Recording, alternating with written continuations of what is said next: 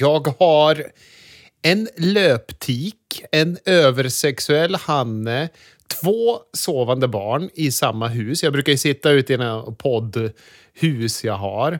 Och jag har en sambo som är på någon form av tjejkväll. Så allt det här kan komma att störa oss under inspelningen.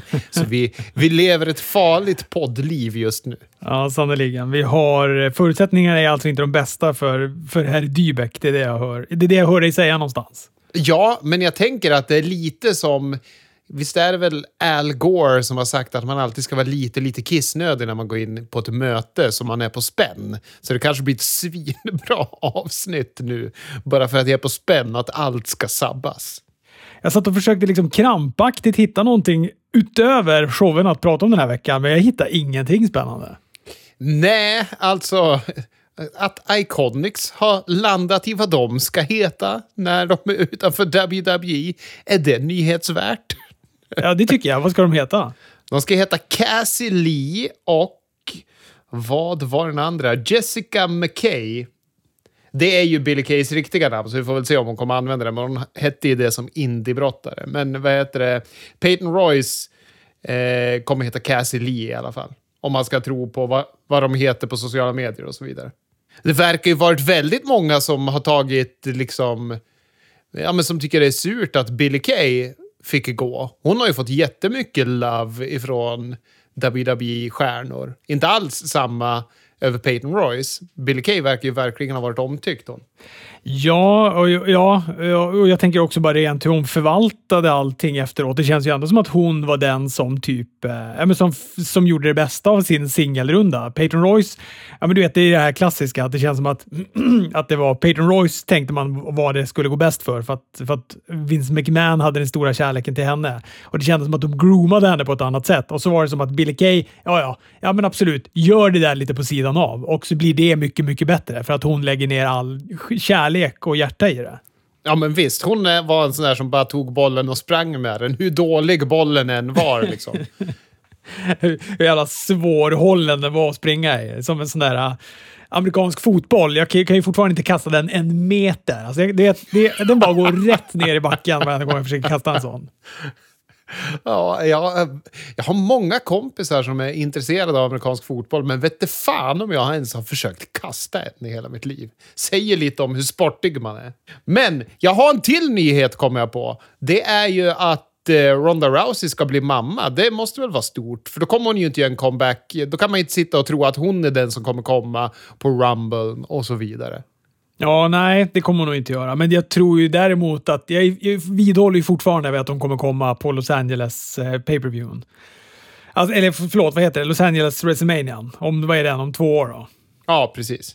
Det är väl den man tänker att The Rock ska dyka upp på då också, men lyckas de hålla Roman som champ hela vägen fram tills dess? Jag vet fan. Alltså, det känns blekt på utmanarfronten. Ska vi kasta oss in i, i Smackdown eller och prata? Ja, men det tycker jag verkligen vi ska göra. Ja, det känns verkligen blekt på utmanarfronten. Och när de då börjar då liksom grooma någon eller pegga upp någon för att vara en utmanare till Roman, ja då tar man liksom, då går man tillbaka till, eh, till gå igen. Alltså ja. du vet, jag ja.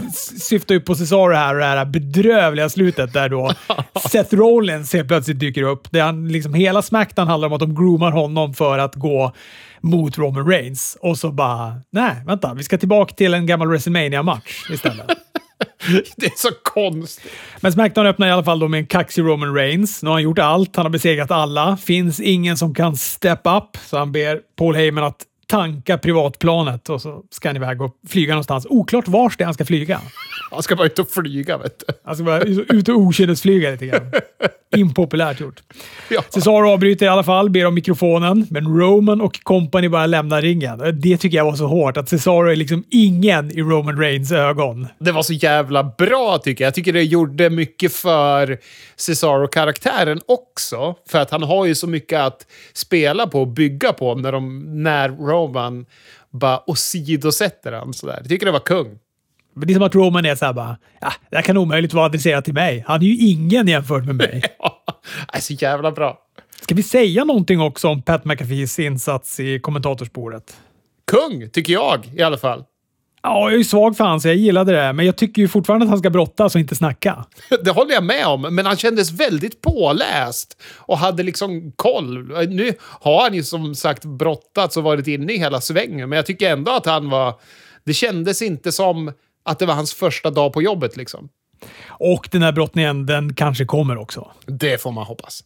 Han kommer, ju, han kommer ju göra det någon gång lite då och då när de behöver någon ultra-heal. Fan, om de slängde in eh, King i ringen stup i kvarten så måste de ju kunna slänga in den här underbara karln. Visst hade de också ökat pixeldensiteten i det här Thunderdome? Det var ju liksom skärmar runt hela entrén. Det har ju inte varit tidigare. När de har gjort en ny layout efter WrestleMania och jag gillar den också. Det känns... Eh, ja, men det kändes lyxigare på något vis. Det kändes som att nu jävlar, nu är det en ny säsong. Vi får Otis som går match mot Rey Mysterio. Eh, de gillade att trycka på viktskillnaden här på cirkus 70 kilo, men det här löste ju Mysterio ändå. En kort, ganska underhållande match. 619 av Rey Mysterio och istället för sin splash så hoppade han in ett crucifix pinfall på Otis och eh, vann matchen. Ja, det är synd att de har hamnat i den här klassiska Groundhog Day-loopen med den här fejden. För nu är det bara olika konstellationer av de här fyra som ska brottas. Eller så kastar vi in ett till tag team bara för syns skull ibland. Ja, det är också så märkligt när de fortfarande har väldigt mycket brottare. Alltså WWE har ju svin mycket brottare. Ja, men dra den parallellen till om du jämför med NXT och eh, Dynamite, att där ser man sällan samma match två gånger. Men här ser vi samma match fyra veckor på raken. Okej okay, att man kanske byter vem som faktiskt är i ringen, men det är samma fyra personer runt ringen hela tiden. Ja, och jag menar den här Nia Jax, Shayna Baszler, Dana Brooke, Mandy Rose-grejen. Alltså du vet, ser jag en till match med dem, du, jag skär ögonen av mig. Alltså det, det kommer inte gå. Ja, fy fan. Eh, Cesaro vill i alla fall ha en match mot Roman Reigns, men eh, Cesaro får Jey Uso istället. Det här låter Paul Heyman oss veta i en backstage-intervju. Kul! Jag gillar att han liksom... Det rimmar bra med hans karaktär att han låter, Ro, att han låter Jey Uso ta nonsensmatcherna istället för han. japp, japp, japp. Vi får sen en WrestleMania returmatch. Sami Zayn går mot Kevin Owens. En eh, bra match. Inte lika bra som WrestleMania, men den är hård och den är underhållande fram till slutet. För vi kan ju inte ha en ren, hård, underhållande returmatch, utan vi måste ju ha en bedrövlig finish, givetvis. Kevin Owens vinner på en countout. Om det då kunde vara så en riktig heel-countout, alltså att, att Sami Zayn bara nej, jag behöver inte det här och knallar ut. Nej då, utan han blir uträknad och efter så får liksom Kevin Owens ändå tillbaka i ringen och spöar upp han, gör, han en, gör en standard på honom, alla de här grejerna. Så den där count-outen var ju helt värdelös. Jättekonstigt. Det är jättemärkligt faktiskt. Vi får också ett, ett backstage-segment med Apollo och hans eh, då Commandor Asi, tror jag han hette va? ja, inte var det Dabakeno i alla fall. Någon sorts före detta soldat i nigerianska elitgardet, tror jag de sa. Ja, ja. Okej. Okay. Men jag gillar ändå att han har en militär med sig. Han är fan bra, Apollo. Apollo är en, en färsk, frisk vind. Street Profits hyllar Bianca Belair i ringen. Det tyckte jag också var bra. Eh, jag tyckte också det var väldigt roligt. Bailey är ju med sen i ett segment efteråt där hon säger att Bianca grät innan matchen ens hade börjat på WrestleMania för att hon inte trodde hon kunde vinna. det är väldigt roligt. Street Profits mot Ziggler och Robert Roode om Dirty Dogs Tag Team-titlar. En väldigt bra match tyckte jag. Började i nedförsbacke för Street Profits, men sen hamnade Dawkins isolerad i Ziegler och Robert Roods ringhörna. Här blir det lite nedförsbacke för Heelsen istället. Hot tag till Ford som rensar. Dawkins hämtar sig snabbt, bidrar med en spinebuster på Rood. Ford hoppar in en frog splash, pinfall, men Sigler bryter. Profits missar en blind tag, så när Ford då håller på med Rude i ringhörnan så kommer Sigler med en zigzag bakifrån och eh, vinner matchen. Jätte, jättebra match där. Ja, kan de få något mer tag team att ha med i den här tag team-bilden bara så att vi kan få de här två teamen att möta? De skulle behöva typ tre till teams och hålla på och gå matcher med, för det här är ju bra. Fan, tag team-brottning är ju så jävla underhållande om det görs bra och de här teamen gör det ju bra. Visst hade Sigler någon sorts Bianca Belair-fläta i håret? va? ja, det hade han också. Spännande tilltag. Jajamän. Vi får också se klipp från Cesaros eh, WrestleMania eh, UFO upprep, upprepande gånger här på Smackdown. Det är ju inget snack om att de bygger honom stenhårt i alla fall. Verkligen. Jag tycker det är kul när jag ser det, men samtidigt så tänker jag ju att... Eh, ja, men du vet, jag har ganska lågt förtroende för att det här ska vara särskilt länge. Det känns som att det är här, anabola bygge inför WrestleMania Backlash. Så att de faktiskt har han lite halvtrovärdig inför det. Sen kasta honom i diket, gå och fejda mot Apollo eller någonting. Natalia och Shayna Baszler går en eh, icke-match. Det är väl Natalia vinner på en roll-up, Tamina och Nia Jax tjafsar utanför ringen. Ja, det är också samma sak med det här. Jag är så trött. Jag är så trött på att se de här parningarna. Oh ja. Cesaro mot Jey Uso är i alla fall avslutande match. Ganska likt Sami Zayn och Kevin Owens-matchen. En hård och underhållande match fram till slutet. Cesaro har momentum, sätter Uso i en eh, Cesaro swing och från ingenstans då så hoppar Seth Rollins in i ringen, ger sig på Cesaro och det hela resulterar då i en diskvalifikation. Seth Rollins lämnar sen samtidigt som han ropar om, någonting om att det inte är över mellan han och eh, Cesaro. Så att eh, Ja, det var ju lite tillbaka på ruta Du vet, när, när, när, det först hände så reagerade jag inte ens att det var Seth Rollins, för jag var så säker på att det skulle vara Roman Reigns istället. Ja, exakt. Exakt. Så jag bara, men vänta. Det heter, ja, okej, ja, men här kommer han in och hoppar på. Ja, men det, är väl, det, är väl, låter, det känns väl rimligt. Och sen bara, men vänta nu, det är ju för fan Seth Rollins. Det är ju, det är ju hans gamla motståndare som han mötte på WrestleMania och vann över. Ja, jättekonstigt och onödigt. Det är så jävla, jag vet inte när de håller på och bygger den så är det, det är som att de tar eh, två steg framåt och ett steg bakåt med det här.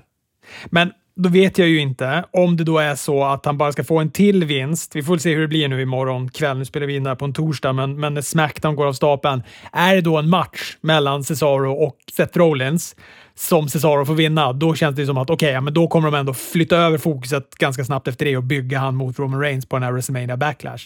Eller så ska han gå på WrestleMania Backlash mot eh, Seth Rollins och sen då ta sig vidare mot Roman Reigns. Ja, så skulle de ju kunna göra och då blir jag överraskad för då bygger de ju långsiktigt och det vore ju kanske det bästa. Men samtidigt, fan, han har ju redan vunnit rent mot Seth. Men vad tycker du då om att eh, man sätter Cesaro mot Roman? Känns det, känns det som att han är uppe i main event-scenen och kan hantera det? Ja, men när de började Smackdown så tyckte jag ändå att det kändes... Eh, ah, jag är så här, eh, han kommer aldrig vinna titeln och det är ingen som kommer tro att han kommer vinna titeln. Men det är någonting att göra medan Roman Reigns väntar på någon annan som ska steppa upp mot honom. Och det är någonting nytt. De kör liksom inte ytterligare en grej med Daniel Bryan, de kör inte ytterligare en grej med, med Edge. Det hade de ju också kunnat göra. Att WrestleMania Backlash då, då ska han gå mot en av dem. Ja, galan efter det, då kanske han ska gå mot nästa av dem och så vidare, bara för att liksom mjölka ut det där. Det är ändå kul att de ger Cesaro en chans och att det, ja, framförallt att det blir någonting nytt. Det håller jag med om, men det som slog mig, det var att när han kliver in i ringen, han är ju sällan mot de här superkarismatiska, de som har liksom den här it-factorn. Men när han klev in i samma ring som Roman Reigns, då var det verkligen liksom europeisk personlighet och amerikansk personlighet i ringen. Och den amerikanska personligheten käkade upp all aura som den här stackars europeen hade. Och det förstärktes ju när han bara gick därifrån och lämnade honom hängande. Vi får ett Raw som öppnar upp med Drew McIntyre. Han snackar om att bli påhoppad av Mace och T-Bar förra veckan, bland annat. Eh, MVP kommer in, de munhuggs, munhuggs och sen så blir då Drew påhoppad igen av Mace och T-Bar. Efter så kräver Drew en match mot Mace och T-Bar av Adam Pearce backstage. Pearce säger att eh, men då måste du ändå skaffa en tag team partner, varav Drew säger att han, det enda han ska gå och skaffa nu det är ett baseballträ. Så sticker han ifrån. Viking Raiders mot Cedric Alexander och Shelton Benjamin. Även denna vecka. Fick du se den eller hade de fallit offer för klippsaxen på YouTube? Jag har fortfarande inte fått se Viking Raiders sedan han kom tillbaka. Undrar om de tror att de klippte bort den från hela Raw eftersom de går en, typ en exakt likadan match alltså, igen nej. mot exakt samma motstånd med typ exakt samma avslut. Alltså, för jag, alltså, jag förstår ju att det är liksom skönt att kunna redigera det här på YouTube, men jag tänker ändå när det går, det här segmentet på tv, är det liksom bara offerlamm-segment? Att äh, det är här vi brukar ha låga ratings. Här brukar de växla över till Masked Singer eller vad fan de tänker. Det måste ju finnas någon tanke i hur de bygger showen. Men jag tycker bara att det är så himla märkligt att det var exakt, för det var typ exakt samma som förra. Det är också en helt okej okay match. Viking Raiders de inne på sin Viking Experience, eller Viking Express om det nu heter så. Den här nya killen i kommentatorsbordet, vad heter han? Adnan Virk, eller Virk, jag vet inte om man uttalar det här efternamnet. Han kallade den för Viking Express två gånger i alla fall. Men han är ju lite, han är ju lite rörig jämfört med vad heter det, Pat McAfee. Men jag märker att jag inte riktigt hänger med på att Tom Phillips är borta. Utan att han låter lite väl lik honom för att jag ens ska märka att det är en ny kommentator. Jag vet inte om jag läste det här, om det var någon som skrev det, men att han har en väldigt monotom ton. Alltså att han är liksom... Ja, men jag tror fan det var Sebbe som skrev om det här, eller om han skrev om det till mig i ett meddelande. Ja, han har liksom verkligen bara en rät linje i hur han pratar, den här killen. Och jag håller verkligen med om det. Det är som, även om något är så här, växlar upp tempot eller det ska bli lite extra spännande eller nå ett klimax eller exalterat, så han växlar aldrig upp och blir mer exalterad, utan han har liksom bara samma jämna ton hela tiden. Undra hur hur producerad han blir. För att det är intressant, jag hörde ett utkast från den här uh, Under the Black Hat, JRs eh, uh, bok, när han beskriver hur Vince McMahon bara satt och skrek och skällde och matade honom med saker medans han aldrig gav en enda instruktion till Jerry Lawler, för Jerry Lawler blir stressad och kan inte arbeta då. Så att han sitter bara och ger tummen upp till JR hela tiden medan JR sitter och säger okej okay, boss, sure boss och sitter och bara tar skiten och blir nedbruten. Och jag undrar hur det är för den här nya killen om han bara sitter och tuggar örat av honom också. Ja, det är sjukt svårt att jobba under de där arbetsförhållandena. Ändå kudos till eh, JR som ändå lyckades hålla ut så många år. Ja, men verkligen. Randy Orton intervjuas backstage av Kevin Patrick. Här har vi ju en annan kille. Det är ju noll inlevelse i den där. Alltså, han, han hade lika gärna kunnat stå och läsa en busstid. Han hade lika gärna kunnat stå och läsa busstider i den här intervjun. Ja, jag gillar inte honom. Jag tycker, tycker fortfarande synd om honom för att han varit mobbad på WrestleMania. Men jag förstår varför de inte uppskattar honom.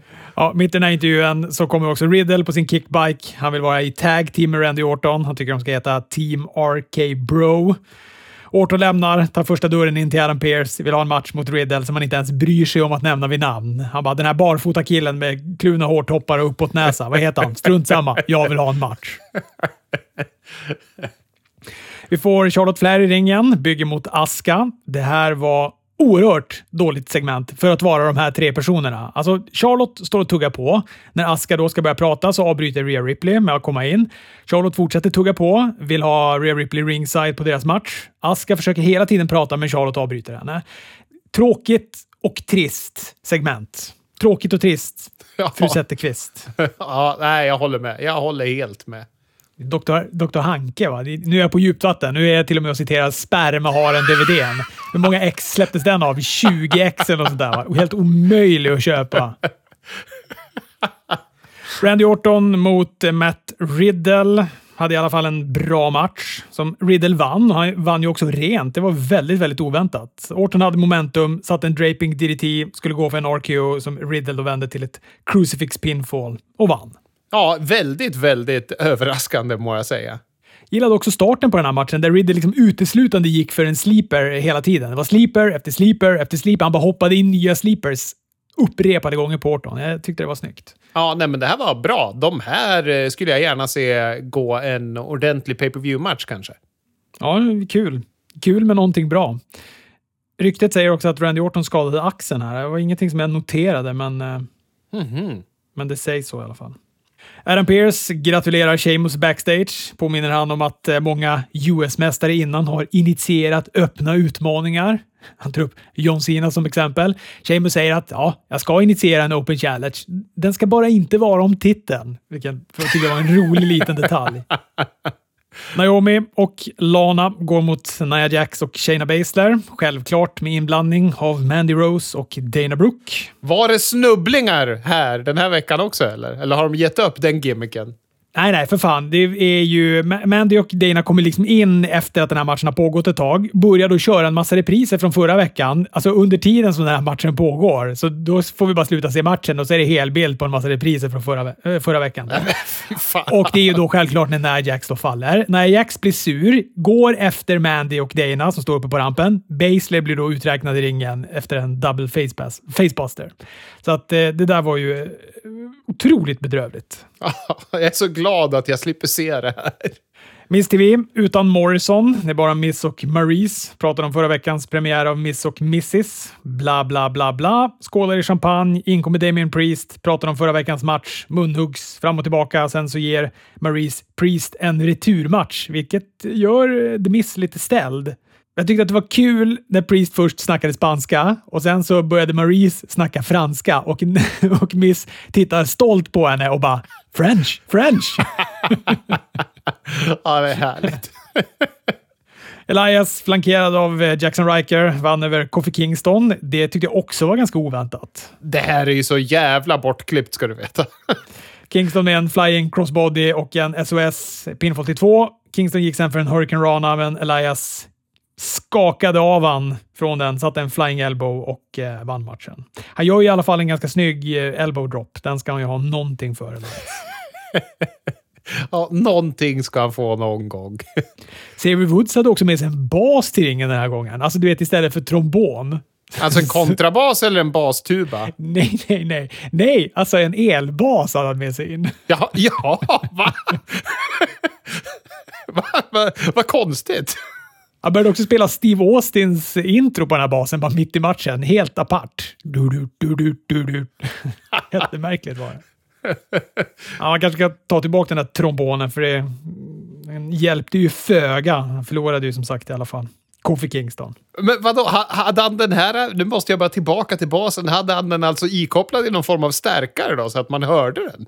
Man hörde den, men jag såg ingen sladd. Men jag antar att det gick någon, satt någon sändare på ryggen då, så att han hade ja, en trådlös, eh, trådlös bas. För att det, det kom ju ljud i, ur den, så att eh, på något sätt var han inkopplad i alla fall. Jag tycker, nu tycker jag om Xavier Woods lite mer, bara för att han kom in och spelade bas. Det här tyckte jag var roligt. Jag har inte ens sett det och sitter och skrattar. Det känns väldigt typiskt att du ska vurma för basisterna, Chris. Ja, man, någon måste ju göra det, för de är ju ungefär lika bortklippt ur världen som vad heter det, Elias och Jackson Riker är. Vi får ett segment med Alexa Bliss och hennes onda docka. De sitter och gungar ihop och sen har de också då klippt ihop, eller klippt in den här eh, onda dockan Lele på lite gamla bilder på Alexa när hon var, när hon var liten. Ja, det var vad det var. Vi får eh, handikappmatch. Drew McIntyre mot T-Bar och Mace. Slutade i en DQ efter att Mace och T-Bar vägrade släppa McIntyre ur ringhörnan. Braun Strowman kommer in. Nu blir det en tag team-match istället. Eh, Strowman och Drew med 100% kontroll. Drew sliter masken av Mace, börjar slå på honom med masken så att eh, domaren diskvalificerar dem. Så att vi har två diskvalifikationer på två matcher under 10 minuter totalt. Ja, varför inte? Det är ju ändå Raw vi tittar på. Så jävla sämst. Oh.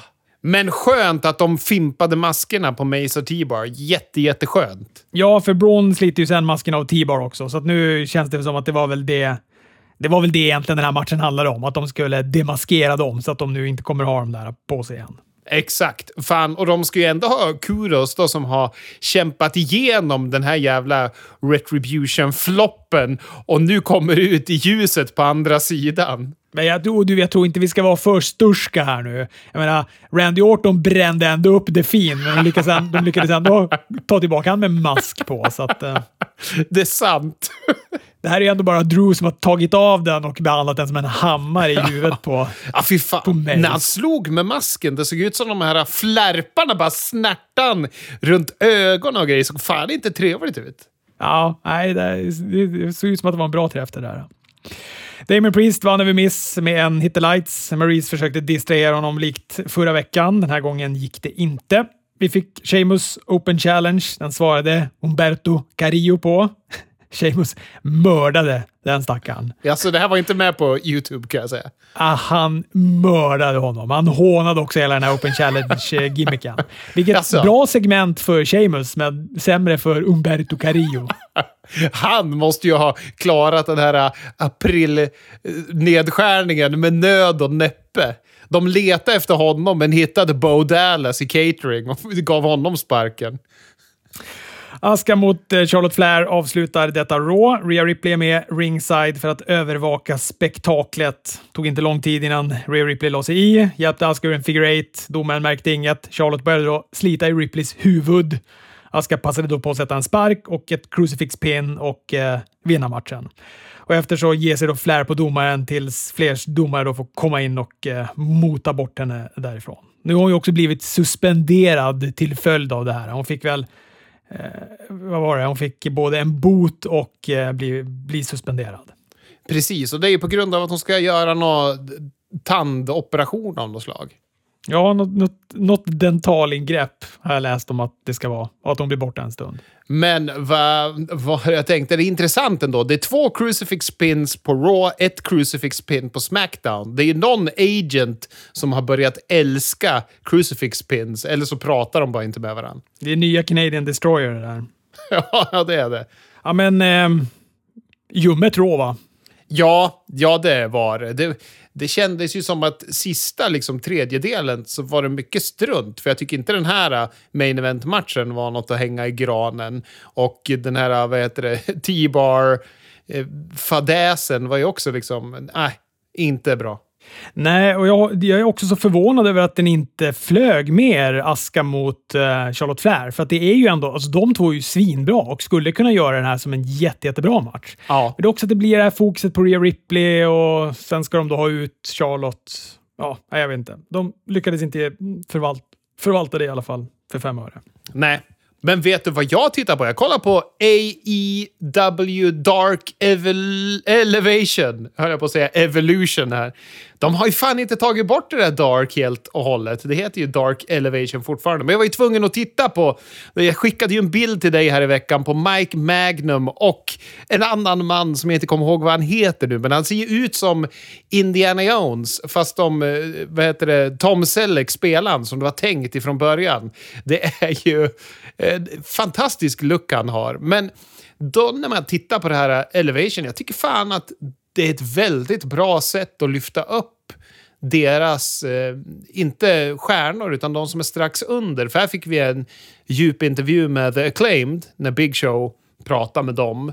Och eh, det tycker jag var väldigt bra. Då fick man veta att han, den här eh, Bowen, Bowden, han som inte är Max Caster, han är ju, vad heter det, Eh, han är gay och är väldigt öppen med det och har varit med i en massa tidningar och liksom är ett språkrör för det i mångt och mycket. Och det flaggar de ju inte alls med på huvudshowen. Och det var ju jätteintressant att få veta. Men och, de gjorde en väldigt bra intervju. Bägge de två visar väldigt mycket karisma i intervjun med Big Show. Och han, Big Show var också väldigt bjussig och gjorde intervjun bra tycker jag. Och sen så får man ju se många sådana här äh, som man inte ser till vardags på AEW. De får visst, de får gå in och förlora, men de får ju gå ganska okej okay matcher ändå och få in lite offense och så, inte bara squashmatcher rakt av. Jag hade också lite tid den här veckan och tänkte slå på vanliga Dark. Men du vet, jag blir ju sjösjuk bara jag ser det där kortet. Det är ju 92 matcher och jag tänkte jag orkar inte se det. ja.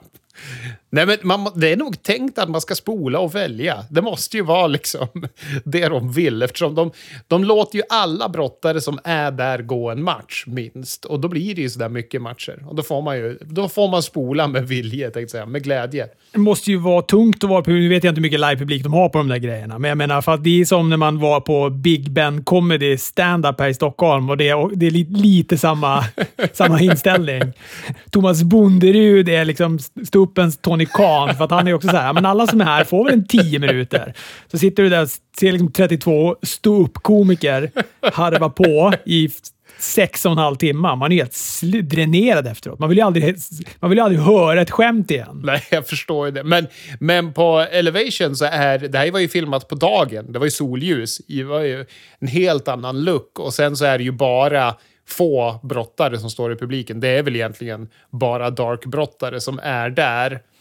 Eh, men det var kul att det var filmat på dagtid, för det var en annan eh, känsla tycker jag, än både Dark och Dynamite. Men eh, jag måste fråga då. Brian Cage och Ricky Starks mötte då Mike Magnum och, om du då hade glömt bort namnet på, Stone Rockwell. Just det, Det är ett väldigt bra wrestlingnamn. Det Det. är kung! Det är så jävla kung. Väldigt bra wrestlingnamn. Det var en, en väldigt bra match tycker jag, för att Cage och Starks fick ju visa upp sig mycket. Det är alltså eh, kul att se de två brottas. Och apropå att spela bas, alltså Ricky Starks, han kommer ju vara med på Dynamite också. Men det är den mannen som kan spela luftgitarr sämst i hela världen. Han vet inte hur man håller i en gitarr. Ja, det är fint. Det är bara en person i hela världen som får göra det och det är Eric Bugenhagen. Ingen annan får pyssla med det. Det är bland det värsta jag vet när folk kör luftgitarr. Och då är det spelar ingen roll om du är Bruce Dickinson eller om du är Cool Kyle O'Reilly. Som är, du vet, han har också hållit på med det där. I alla fall när han går mot, eh, eller när han var med i Anis Era så var det en, en del luftgitarrande han höll på med.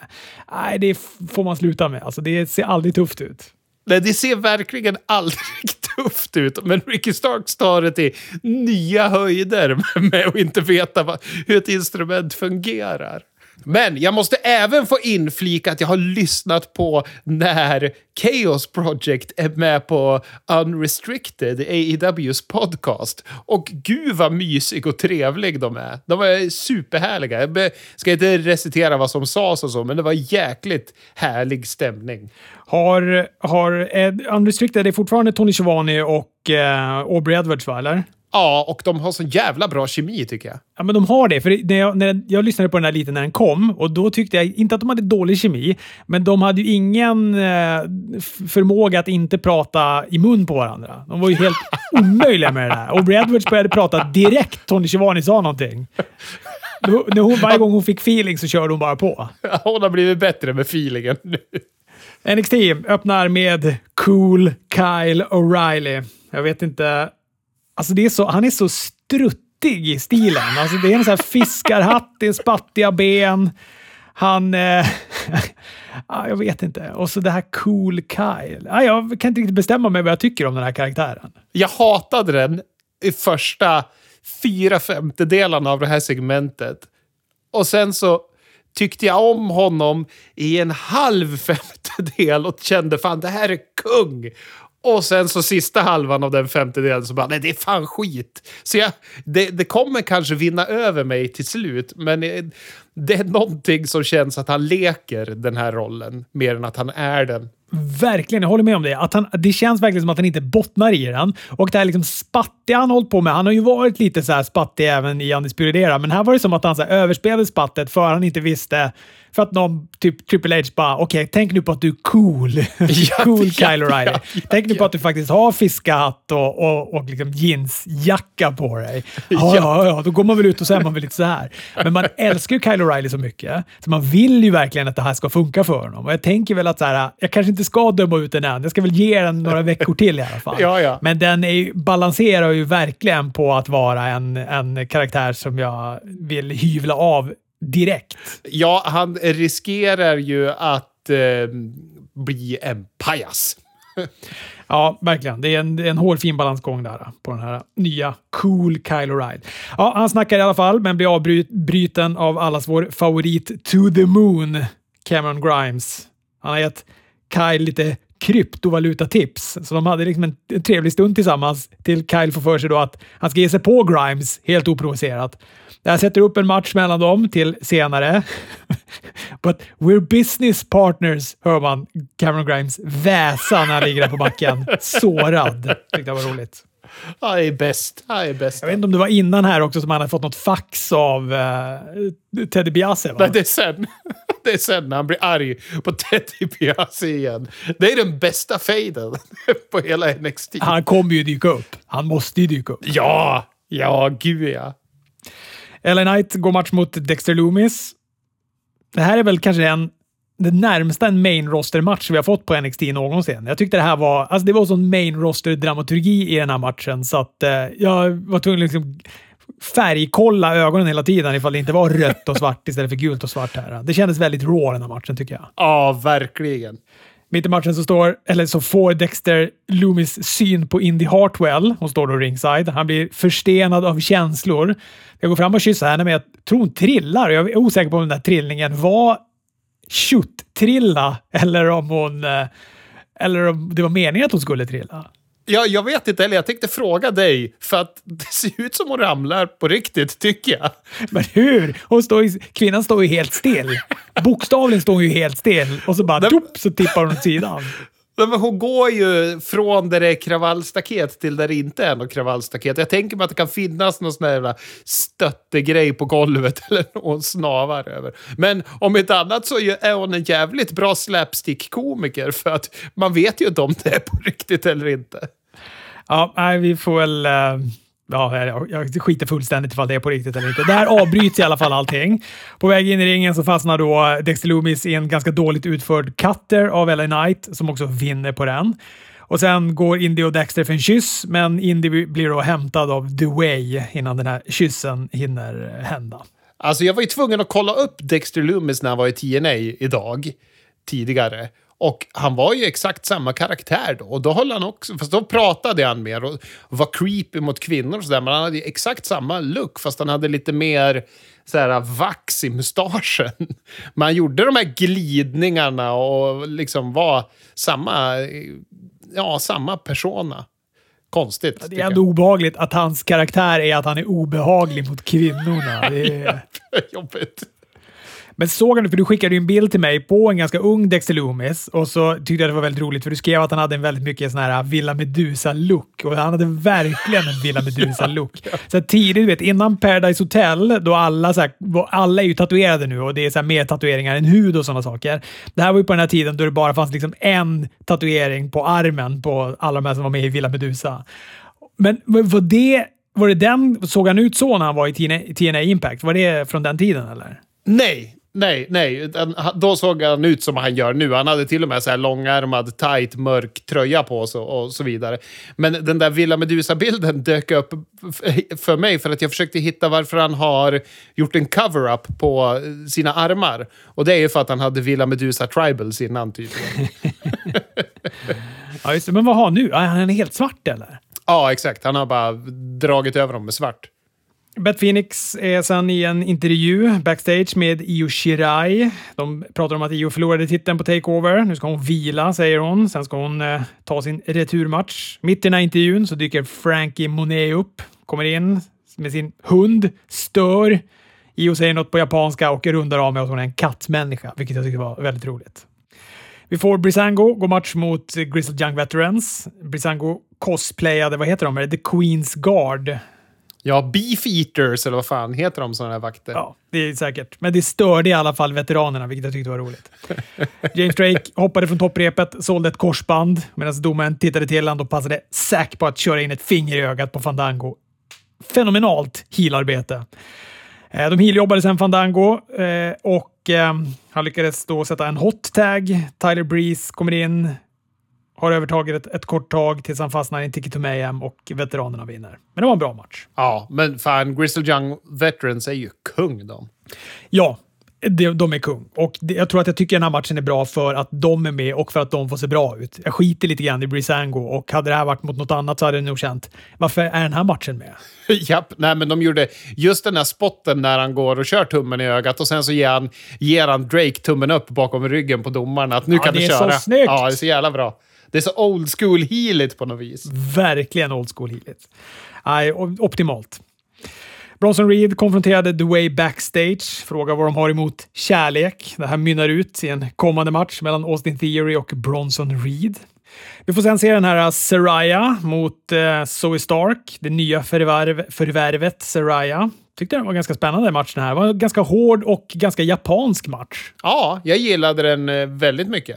Stark missade en 450, några nerfalls, avlöste varandra. Sarai med ett gäng sparkar och slag innan hon avslutade med en suplex. Men det här är ju ett bra sätt att presentera en ny brottare som man vill ska se stark ut för att det var ju en ganska lång match och vad heter Zoe Stark såg ju inte värdelös ut utan det var ju kamp och det gillar jag.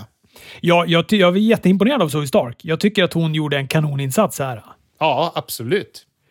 Tony Storm kommer in efteråt, ger sig på Zoe Stark, men då hjälper då Saraya sitt forna motstånd och Storm backade ut. Det var också kul att man får se Tony Storm, för det känns som att hon bara försvann där helt plötsligt. Ja, verkligen.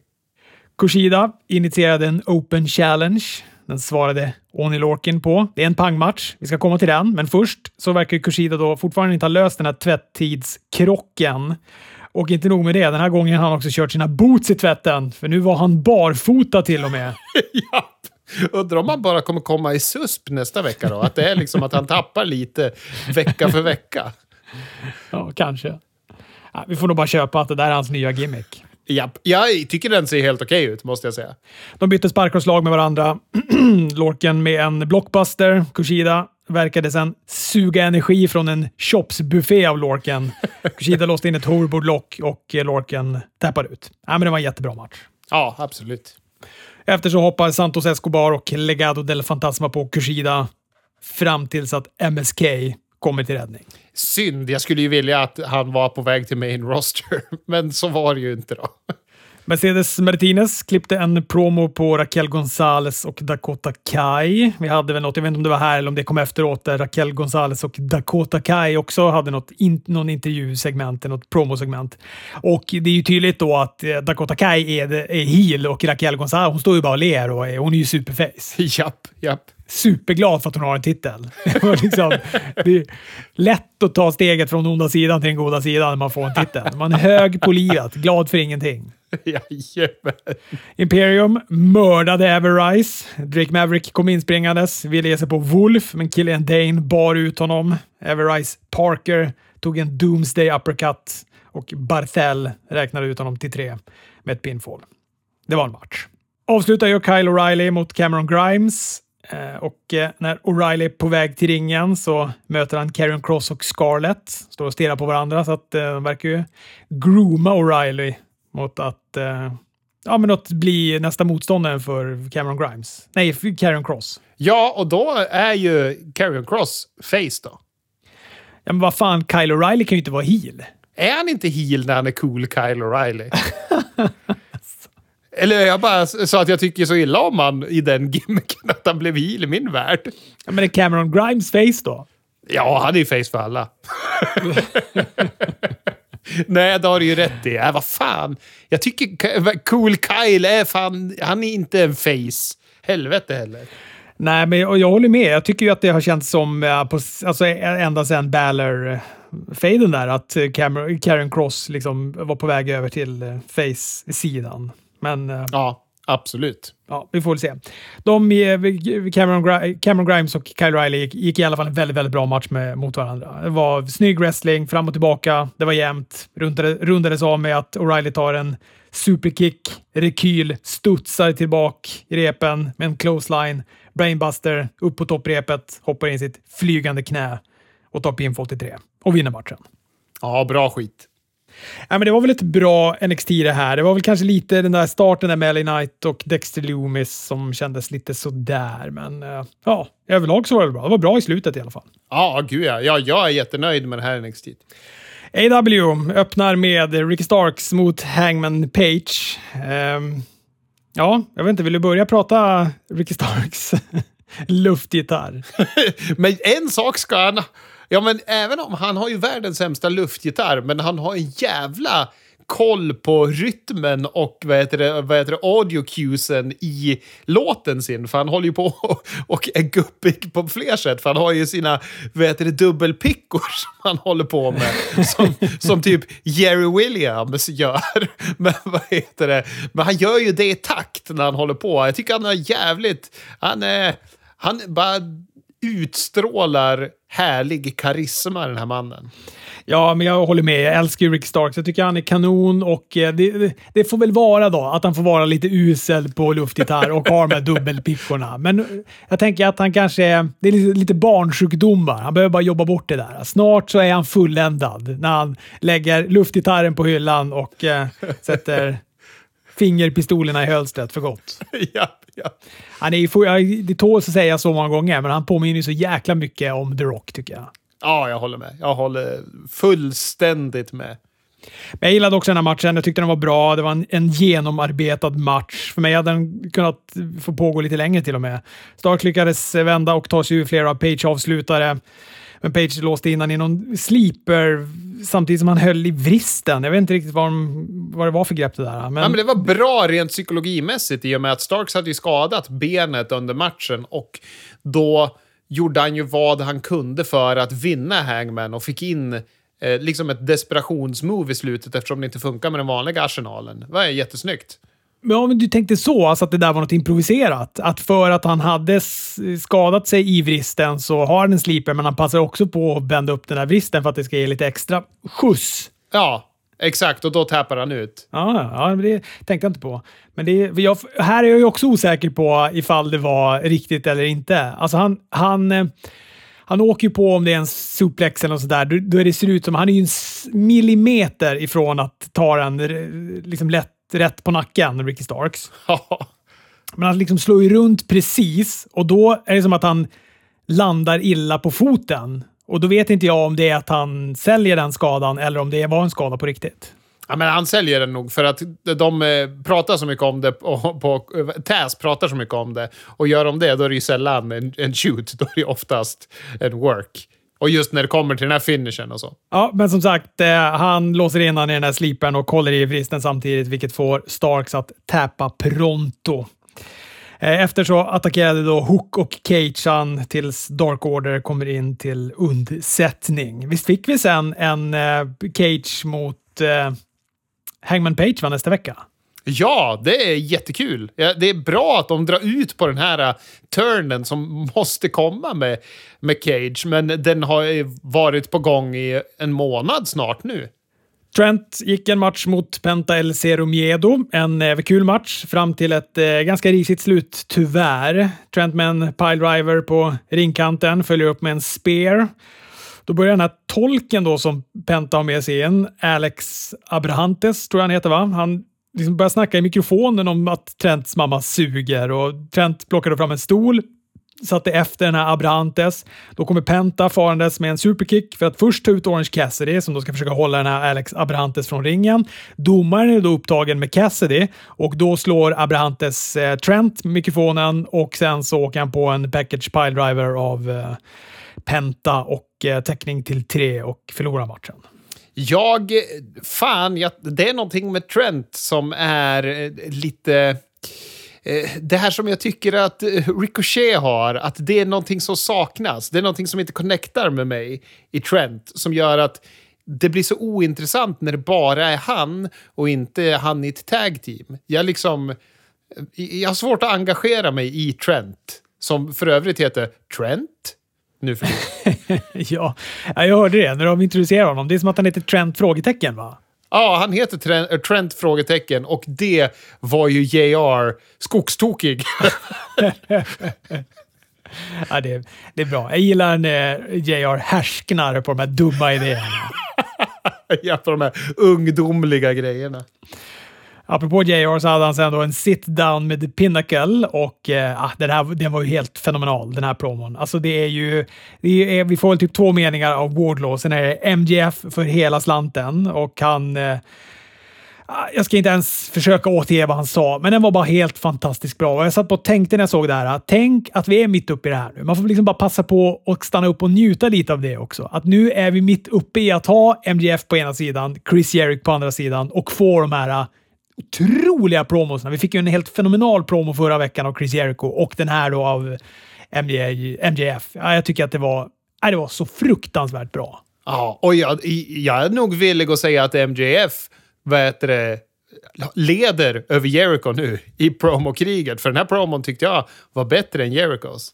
Ja, jag håller med. Jag tycker också den var snäppet vassare. Men jag vet inte heller om det är för att MJF är lite nyare och fräschare. Man har ändå hört Chris Jerichos retorik och hans sätt att liksom bygga meningarna och sånt där på. Man, man hör nästan när de här grejerna ska komma som man säger.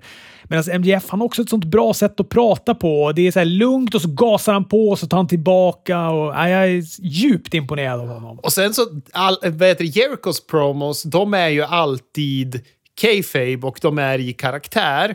Medan MJF, han går ju alltid på på gränsen någonstans mellan kayfabe och shoot. Det är ju såklart att det är ett work hela tiden, men när han pratar om att ja, men du säger att eh, du alltid eh, vad heter det, elevatar folk. Ja, konstigt att det alltid är sådana som redan var över när du brottas mot dem. Och det är sånt som folk tänker, men det ska ju inte en wrestlingkaraktär säga om en annan wrestlingkaraktär. Njuta fick vi också göra när Tai Conti gick en match mot Hikaru Shida. Jag tycker att det är underbart med Tai Contis utvecklingskurva. Alltså, den är brant. Ja, för tänk vad kass hon har varit. ja, men alltså, hon, var, och hon var helt värdelös i NXT bland annat. Ja, men det har hon ju varit även under tiden i AEW tycker jag. Jag tycker hon har haft riktigt slarviga matcher, men hon har ju grymma judomanövrar och grejer nu. Mm. Ja, men det är som att hon har börjat hitta någonting. Ja, men jag, jag tycker att det, det bådar gott med henne. Det är ju klart att det inte är fläckfritt på något sätt, men, men det, det bådar gott. Kida siktade på en Cantana. Den sprang rätt in i en pumpkick. Conti med en Takeo, täckning till två. Shida lyckades sen trockla sig ur en DDT, satte en back-to-belly piledriver följt av täckning till två. Conti med en buffé av armbågar. Men Shida fångar upp örfil, backbreaker och en katana och vinst. Bra match. Ja, kul, kul, kul. Britt Breaker kommer in sen, visar upp egen grafik, att hon då är nu number one contended och ska gå för Shidas titel. Jättebra. Inner Circle intervjuas av Tony Schivani i ringen. De eh, bygger upp deras Blood and Guts-match mot Pinnacle 5 maj. kommer ju bli svinkul att se den matchen tycker jag. Men Jake Hager, han ska kanske hålla sig borta från mikrofonen. Han kom ju in med lite sugrör för att han skulle demonstrera att de behöver äta mat genom sugrör när de har fått spö. Och han verkar ju ha laddat för att få säga den här kommentaren och jävligt. Han, han blir illröd innan han han börjar prata och börjar kasta de här sugrören. Och sen är liksom hans poäng över på några sekunder och då tar han bara skriker. Ja. Och också att vi har fått MGFs liksom promo innan som har varit helt fenomenal och så kommer de här in och så är liksom inte alls, inte alls, inte alls i närheten. Men jag tänker också att det kanske inte är, det kanske också är smart att inte Jericho går in och levererar ytterligare en bra promo, utan det här får liksom vara, han hade förra veckan, den här veckan så är det MGFs eh, kväll när det gäller promo. Så, så, på, så på det sättet var det bra. QT Marcel vann över Billy Gunn. The Factory var med in och Gun Club var med in. De höll på att stöka på lite utanför stundtals. Ogogo smög in när domaren kollade läget med QT. Passade då på att placera ett njurslag på Gun. QT med en Diamond Cutter och vinst. Och efter skulle han då slå på Gun med en solstol eller om det var en bit brygga eller någonting. Det var någon trägrej i alla fall. Jättekonstigt. Ja, och då kommer Dustin Rhodes inspringandes, jagade ut alla, slog sönder trägrejen över huvudet på Komoroto, är det så man säger? Ja, Ni- Nick någonting, någonting. Exakt. Han var i alla fall helt oberörd och han är någon sorts, han är någon sorts vilde. Han ser ju ut som en vilde och eh, ja, men det är väl någon sorts vilde-gimmick han har, eller? Ja, JR tror att han tycker det är kallt, för han sa att han står där med en rock och tröja på sig för att han var så hårig. Men, men det konstiga med den här vilden, det är ju att när Gun Club ger sig på honom, då sänks han ju av liksom små ärtbösseslag. Men sen får han en stol i huvudet, då reagerar han inte alls. Så att jag är inte helt kär i hur de gjorde, hur det liksom vävdes ihop där. Vi får Elitgänget. De hänger i sin Elite-trailer, klipper en promo på Mox och Kingston. De liksom hör en bil tuta frenetiskt utanför. I bilen sitter då Mox och eh, Kingston. Och eh, De drar då rätt in i den här trailern med bilen, plockar fram ett järnrör, tar, tar det med sig in till den här trailern och ska slå på dem. Men då är Elitgänget inte där längre. Och jag gillade allt det här, men jag tyckte att det var lite konstigt att de hade tagit sig därifrån så snabbt. Ja, det var jätteunderligt. Men, men kemin mellan Moxley och Kingston, den är fan magisk. Men de är också lite Aubrey Edwards och Tony Schiavone här. Tidiga unscripted podcasten. De, de, eh, har lite, de kör på i mun på varandra frenetiskt, vilket stör mig lite grann. Ja, de kommer nog hitta tajmingen bättre, men kemin är fantastisk. Powerhouse Hobbs gick match mot eh, Christian. En, eh, jag tyckte han var en, en bra match den här. Jag tyckte det var lite mer tempo i Christian. Jag tyckte också att han hade lite annan stil. Han hade liksom AW-fierat sig lite grann. Jag vet inte om det är bra eller dåligt, men, men det kändes som att han var lite snärtigare i steget. Ja, jag gillar hur han ser ut. Det är ju... Man kommer ju jämföra honom med Edge såklart. Det går ju inte att låta bli. Men han känns ju inte alls lika gammal och trött som Edge. Han känns ju jättefräsch och eh, tycker att han passar på något sätt i AEW. Det här kändes som en naturlig match när han mötte Hobbs. Jag tycker Hobbs såg bra ut i den här också. Ja, verkligen. Jag tycker de här passade väldigt bra ihop. Hobbs styrkebrottades, han kastade ju mest runt Christian. Tog väl sig ur en kill switch också på ren styrka, vilket jag tyckte var eh, snyggt. Ja. Christian fick in en frog splash, fastnade sen i något nytt styrkemove av Hobbs, men sen plötsligt en sleeper som kom från ingenstans som en överraskning för Hobbs. Han lyckades då sätta Christian i position för att göra sin sån här tower business, men sen, sen tog självgodheten över och Hobbs fick för sig att posera lite innan han skulle sätta den här sideslam. Jag tror att det är någon sideslam-variant, den här tower businessen. Ja, ja, poserandet gav i alla fall Christian läktid så att han fick in sin kill switch och, eh, och vann matchen. Ja, jag tycker det här var jätteroligt att se. Båda såg bra ut, så jag är glad för den här. Avslutar, gör TNT Championship-match. Darby Allen med Sting går mot Jungle Boy med Jurassic Express. Mycket bra match. Teknisk, jämn. Jungle Boy med en sån här rekyl clothesline, en brainbuster, armbåge i bakhuvudet, tar pinfall till två. Sen band han upp då Darby en sån här snare trap och eh, Darby fick då tag i repet, men Jungle Boy lyckades då rulla tillbaka en bit in i ringen, kopplar återigen på en snare trap.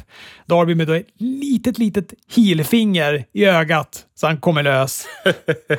Jungle Boy laddade, få, äh, laddade för en Sunset Flip, men Darby lyckades då få in en Last Supper Cradle och en vinst. Lite från ingenstans. Jag tyckte att det var kul att Jungle Boy fick äga mycket i den här matchen och att han fick en sån här vinst, Darby. Att det var liksom ingen självklar vinst där han har en massa momentum och så gör han sin avslutare och så vinner han. Utan här var det ju ändå Jungle Boy som hade momentum och så bara lyckas han få in den här cradlen då och så vinner han på den. Jag tänkte faktiskt att, den, eller jag trodde ett tag att den skulle gå till en eh, time limit draw eftersom det är ju TV time remaining när de körde den här matchen och den här tog ju slut alldeles på håret. Den, det kom ju plötsligt och med väldigt lite tid kvar. Slutet, superbra tajmad match. Den var bra på många sätt den här matchen tycker jag. Och jag tycker verkligen att Jungle Boy fick eh, många, liksom, han fick växa mycket i den här eh, som eh, trovärdig brottare i, på det här rostern. Ja, verkligen. Men jag tycker det är modigt av AEW att de andra onsdagen de är unopposed så sätter de två inte household name-brottare som main eventet. Jag menar på förra där hade de ju ändå Matt Hardy mot Darby Allen, men nu är det Darby Allen mot Jungle Boy. Det tycker jag var jävligt vågat att göra. Efter så kommer Scorpio Sky, Ethan Page in, de ger sig på Darby. In kommer sen Lance Archer, räddar, men han åker då på ett low blow, hamnar i underläge. Då traskar Sting in med baseballträ och då drar de Ethan Page och Scorpio Sky. Fan, Ethan Page och Scorpio Sky, jag gillar dem. Jag tycker de passar bra ihop. Det var en bra parning av Tony Khan, tycker jag. De, deras personligheter känns eh, bra ihop. Ja, men jag håller med. Jag vet inte riktigt varför, men det är någonting med dem som jag bara gillar jättemycket. Och jag blir så här, att jag blir spänd på att se dem och det måste ju ändå vara det ultimata betyget. Exakt, och de har ju något speciellt då och det är fan svinbra. Det var AW Dynamite. Får väl se hur det går för tittarsiffrorna. Som sagt, över en miljon förra gången. Ligger de kvar där eller kommer de vara strax under? Jag tror att NXT hade gått upp lite grann. Kul! Med en fas på lite. Det var typ så 840 000 istället för 835 eller något sånt där. Jag vet inte. Ja, men det är ändå uppåt. Det är fan bra. Vad heter det? Vad tror vi om Kenny Omega då? Tar han titeln av Rich Swan? Det gör han va? Ja, det måste han göra. Det, det tror jag verkligen han gör. Han ska väl vara en belt collector? Han måste ju bli det. Det blir så himla bra. Tänk att han då har tre världsmästarbälten från tre olika förbund. Jag är spänd på den här matchen. Jag blev ännu mer spänd nu också när jag fick veta att Mauro Ronaldo ska vara med och kommentera den. Ja, svinkul ju! Undrar om han kommer vara på mycket annorlunda sätt. Du vet att man tänker att han kanske också är lite hållen i, när, när han var på NXT. Ja, men han lät ju... Tycker han lät som han lät under sin MMA-tid, tycker jag mig minnas. Det lilla jag har hört av honom på det, men han låter väl ganska lik tycker jag. Så att han kommer nog vara samme gamle Mauro. Jag saknar hans röst. Det gör jag sannerligen. Ja, det gör man. Hörni, ni har lyssnat på en podd om wrestling. Vi hörs!